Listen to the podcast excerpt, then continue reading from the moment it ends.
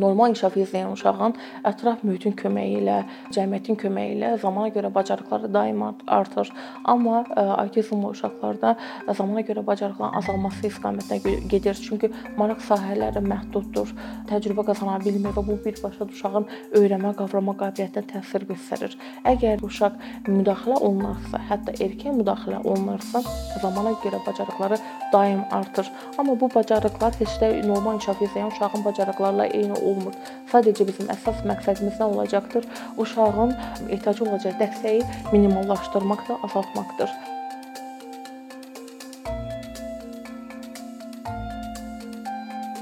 Autizm spektr pozuntusu nədir?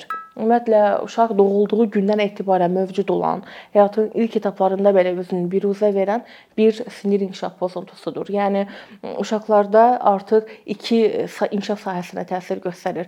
İlk olaraq sosial bacarıqlar, bunlara nələr daxildir? Ünsiyyətdir, qarşılıqlı əlaqə, yəni münasibət və bir digəri isə təkrarlanan məhdud davranışlardır, maraqlardır.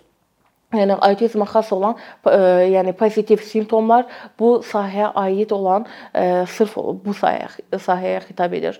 Ümumiyyətlə qeyd etmək lazımdır ki, autizm spektr pozuntusu e, son diaqnostik dəyişiklikləri 2013-cü ildə olub. Yəni bu da psixoloqlar və psixiatrların əl kitablarının 5-ci versiyasında ümumiyyətlə qeyd olunub ki, geniş yayılmış inkişaf pozuntusu autizm spektr pozuntusu ilə əvəzlənib və digərinə daxil olan autizm sindromu, Asperger sindromu, uşaqlığın dezinteqrasiya inteqrativ pozuntusu ASP adı altında birləşdirilibdir. Demək ki, autizm spektr pozuntusunun fərdə təsiri xronikdir. Yəni uzun müddətli təsir göstərir. Ondan olduğu gündən həyatın sonuna qədər təsir göstərə bilər ki, amma şiddəti tamamilə fərqli ola bilər. Və autizm spektr pozuntusu birbaşa fərdin həyat keyfiyyətini aşağı salır bir növ təməl ehtiyaclarını yerinə yetirə bilmədiyi üçün dəstəyə ehtiyac yaradır ki, bu dəstəyə ehtiyacına görə 3 şiddəti var. Yəni dəstəyə ehtiyacı var yüngül şiddətli, ciddi dəstəyə ehtiyacı var, orta şiddətli və çox ciddi dəstəyə ehtiyacı var, ağır şiddətli kimi ə, demək ki, təsnif olunur. Ə, amma qeyd etmək lazımdır ki, bu şiddətlər bir növ sosial bacarıqlar üzrə qurulmuşdur. Yəni ünsiyyət qarşısında ə, ünsiyyətə başlaya bilirmi, davam edə bilirmi ə, və dəstəksiz ünsiyyətinə görə kriteriyalanır. Əsasən bu sahə üzrə. Və ilk öncə də qeyd etmək lazımdır ki, cəmiyyət içərisində, yəni bizim cəmiyyətimizdə bir sıra yanlış fikirlər var autizm haqqında ki, böyük bir kütlə hələ də buna inanır. İlk öncə qeyd etmək lazımdır ki, autizm spektr pozuntusu bir xəstəlik deyil və qeyd edə bilərik ki, günü-gündən artıq bu diaqnozun sayı da artacaqdır. Hətta sizdə də, bizdə də ASP artıq aşkarlana bilər şkala üzrə. Sadəcə bizim həyat və fəaliyyətimizə təsir göstərmir. Müvəqqəti olmaz olması və yetkinlik yaşında keçib getməsi fikri tamamilə yanlış fikirdir. Valideynlik tərzinin səbəb ola biləcəyi və ya da erkən yaş dövrlərində istifadə olunan peyvənd və vaksinlərin autizmə səbəb ola biləcəyi fikri tamamilə yanlışdır. Eyni zamanda qeyd etmək lazımdır ki, məsələn bir sıra pəhrizlərin saxlanması autizmi müalicə edir. Fikri tamamilə yanlışdır. Yəni bunu belə izah edə bilərəm ki, autizm yetərincə fərdin həyat keyfiyyətinə mənfi təsir göstərir. Amma yanaşı gedən bir sıra psixoloji, psixiatrik, genetik fonda pozuntular və ya da somatik xəstəliklər autizm spektr pozuntulu uşağı daha da vəziyyətini gərginləşdirir. Və bir də əlavə edək ki, məsələn, metabolik pozuntular hər hansı bir qida elementinə qarşı, e, maddələrə qarşı e, intolerans və allergiya yaradır uşaqlarda e, və bu fonda pərhizin saxlanması bu çətinliyi aradan qaldırır. Uşağın vəziyyəti yaxşılaşır, amma autizm müalicə etmir. Ümumiyyətlə biz qeyd etməliyik ki, son 20-30 ilə qarşı əlimizdə daha çox məlumat var ASP haqqında. Amma nə qədər məlumat olsa da, yenilik olsa da, yenə də bilmədiyimiz şeylər çoxdur, məlum olmayan şeylər çoxdur və bu bir qlobal bir problemdir. Çünki müalicəsi üçün bir farmakoloji molekulu dərmanı yoxdur. Sadəcə təsdiqini tapmış strukturlu, yarı strukturlu demək ki, proqramlardan istifadə olunur. Bunlara PAC-dır, SCN-dir, ABA-dir, PVT-dir, Teach kimi proqramlardır ki, amma qeyd etmək lazımdır ki, elə bir proqram da mövcud deyil ki, bütün uşaqlara eyni formada təsir göstərsin.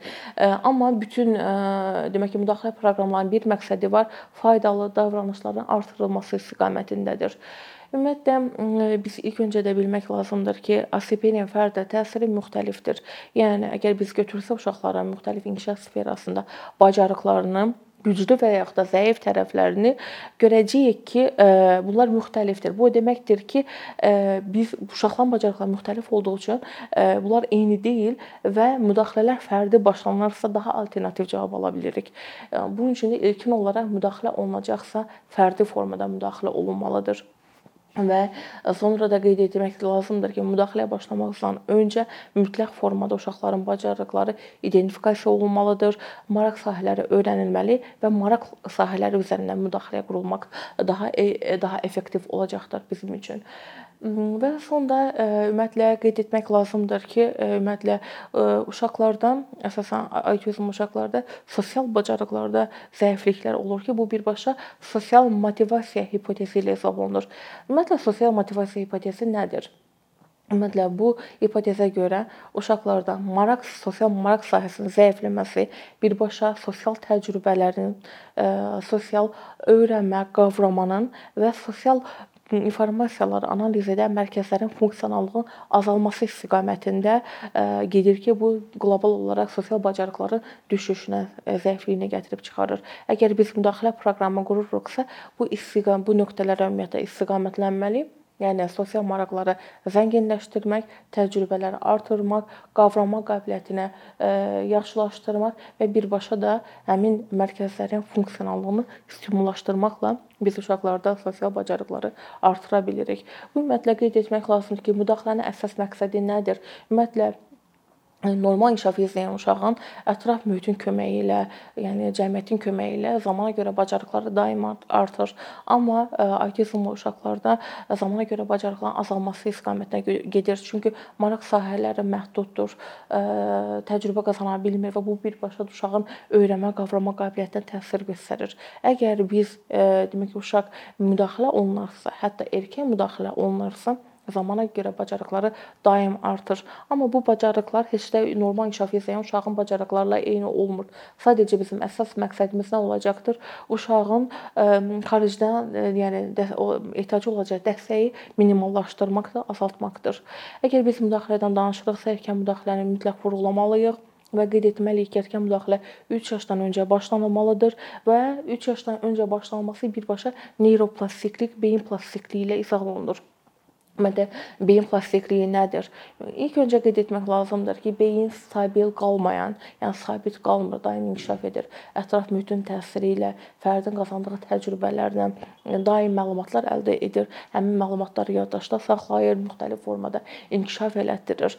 Ümumiyyətlə bu nə vasitəsilə olur? Ətrafdan stimullar qəbul edirik sinir yolları, yəni sinir hüceyrələri neyronlar vasitəsilə ötürülür və bunlar sinapslar vasitəsilə olur ki, bir neyron digər neyrona sinapslar vasitəsilə ötürür və müvafiq mərkəzlərə gedir. Həmin məlumatların işlənməsi, analizi ilə gedir və lazım gələrsə digər mərkəzlərlə də əlaqədə olur. Amma ASP-də burada sinapsların patologiyası, yəni müəyyən bir səbəblərlə bu məlumatların ötürülməsi və yaxud da mərkəzlər arasındakı ə, əlaqə itir. Və buna görə də məlumatlar tamamlana bilmir. Məsələn, görsəl informasiyalarla eşitsəl informasiyalar artıq bir-birinə əlaqələnə bilmir və buna görə də bir sıra kəsintilər əmələ gəlir ki, və müdaxilənin məqsədi nə olub? Əlavə alternativ həmin yolların, sinapsların yaratmaqdır.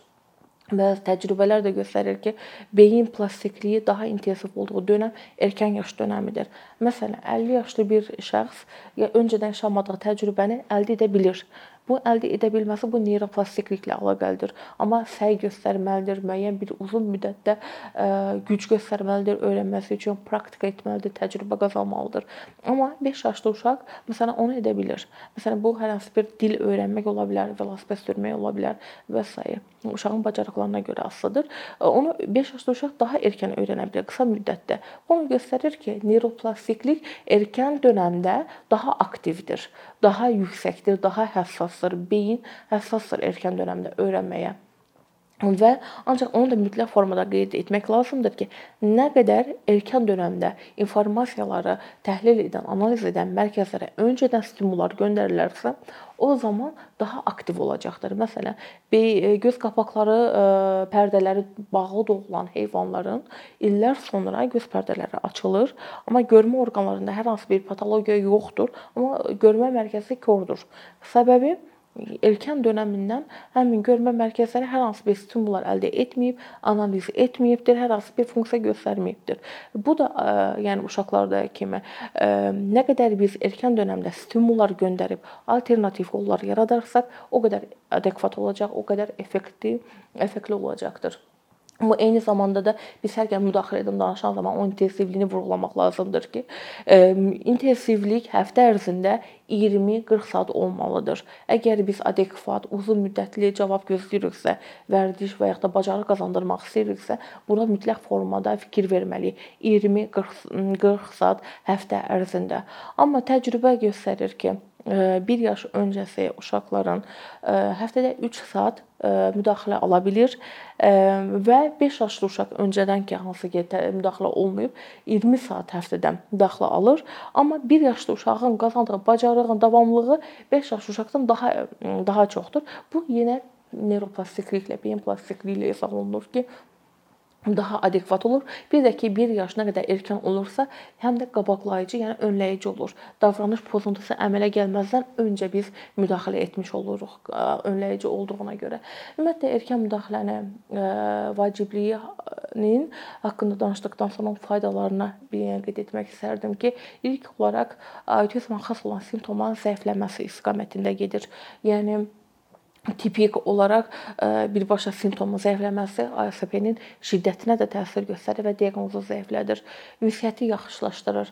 Yəni erkən dövrdə müdaxilə alınırsa, nitq vasitəsi verilir uşağa, alternativ ünsiyyət öyrənir. Yəni piktoqramla, işarət dili ilə və ya da verbal olaraq öz fikrini ifadə edə bilir, ifadə yəni bir mübadilə keçə bilir. Bu da uşağın bacarığını da artırır. Eyni zamanda qavrama qabiliyyətinə təsir göstərir və və təcrübələr də bizə qeyd edir ki, həssas dövrlərində uşaqların 4-5 yaş dövründə artıq əqli gerilik limitindən də çıxmış olur.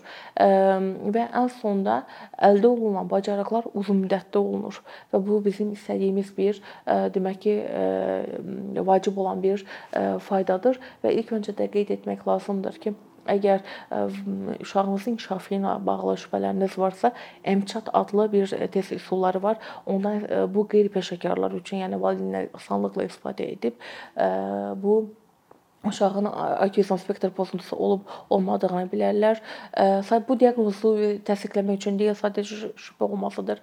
Əgər uşağınızın inkişafı ilə bağlı şübhə varsa və yaxud da ki, risk qrupuna daxildirsə, mütləq formada müdaxiləyə başlamaq lazımdır. Nəinki gözləmək. Gözlədiyimiz zaman ümumiyyətlə uşaqda həyat keyfiyyətini daha da aşağı salan bir sıra səbəblər yaranır.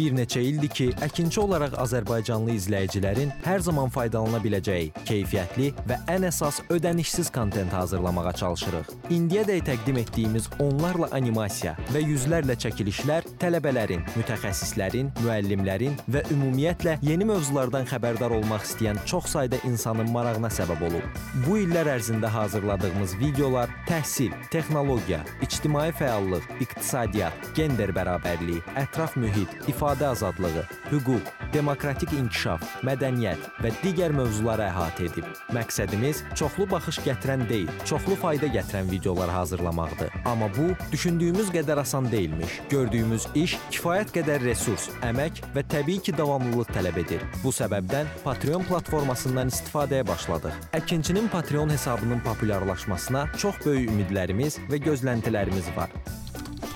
Bəziləriniz Patreon haqqında ilk dəfə eşidirsiniz. Əslində çox sadə izahı olan bir platformadır. Təsəvvür edin ki, siz rəssam və ya musiqiçisiz. Sosial şəbəkələrdə sizi izləyən, işinizi bəyənən çox sayda insan var. Patreon platforması sizə imkan verir ki, izləyicilərinizin könüllü aylıq ödənişləri sayəsində işinizi davam etdirəsiz. Sərgi, konsert zallarından asılı qalmayasınız. Amma bu təkcə rəssam və musiqiçilərə aid deyil. Məsələn, əkinçiyə bənzər fəaliyyətlə məşğul olan bəzi layihələrin 10 minlərlə patronu var. Biz də düşündük ki, nə üçün əkinçinin Patreon hesabı olmasın? Sizin dəstəyiniz sayəsində biz daha çox və daha keyfiyyətli kontent yaratmağa davam edə biləcəyik. Amma bu dəstək yalnız maddi dəstək deyil. Dəstəkçilərimizin sayının artması gördüyümüz işlərin faydalı olduğuna dair əminlik verir. Patreon platformasından istifadə çox sadədir. Hesabınızı açırsınız, sizə uyğun dəstək növünü seçirsiniz və Patreon özü hər ayın ilk günü kartınızdan seçdiyiniz dəstək növünə uyğun ödəniş tutur. Bu qədər.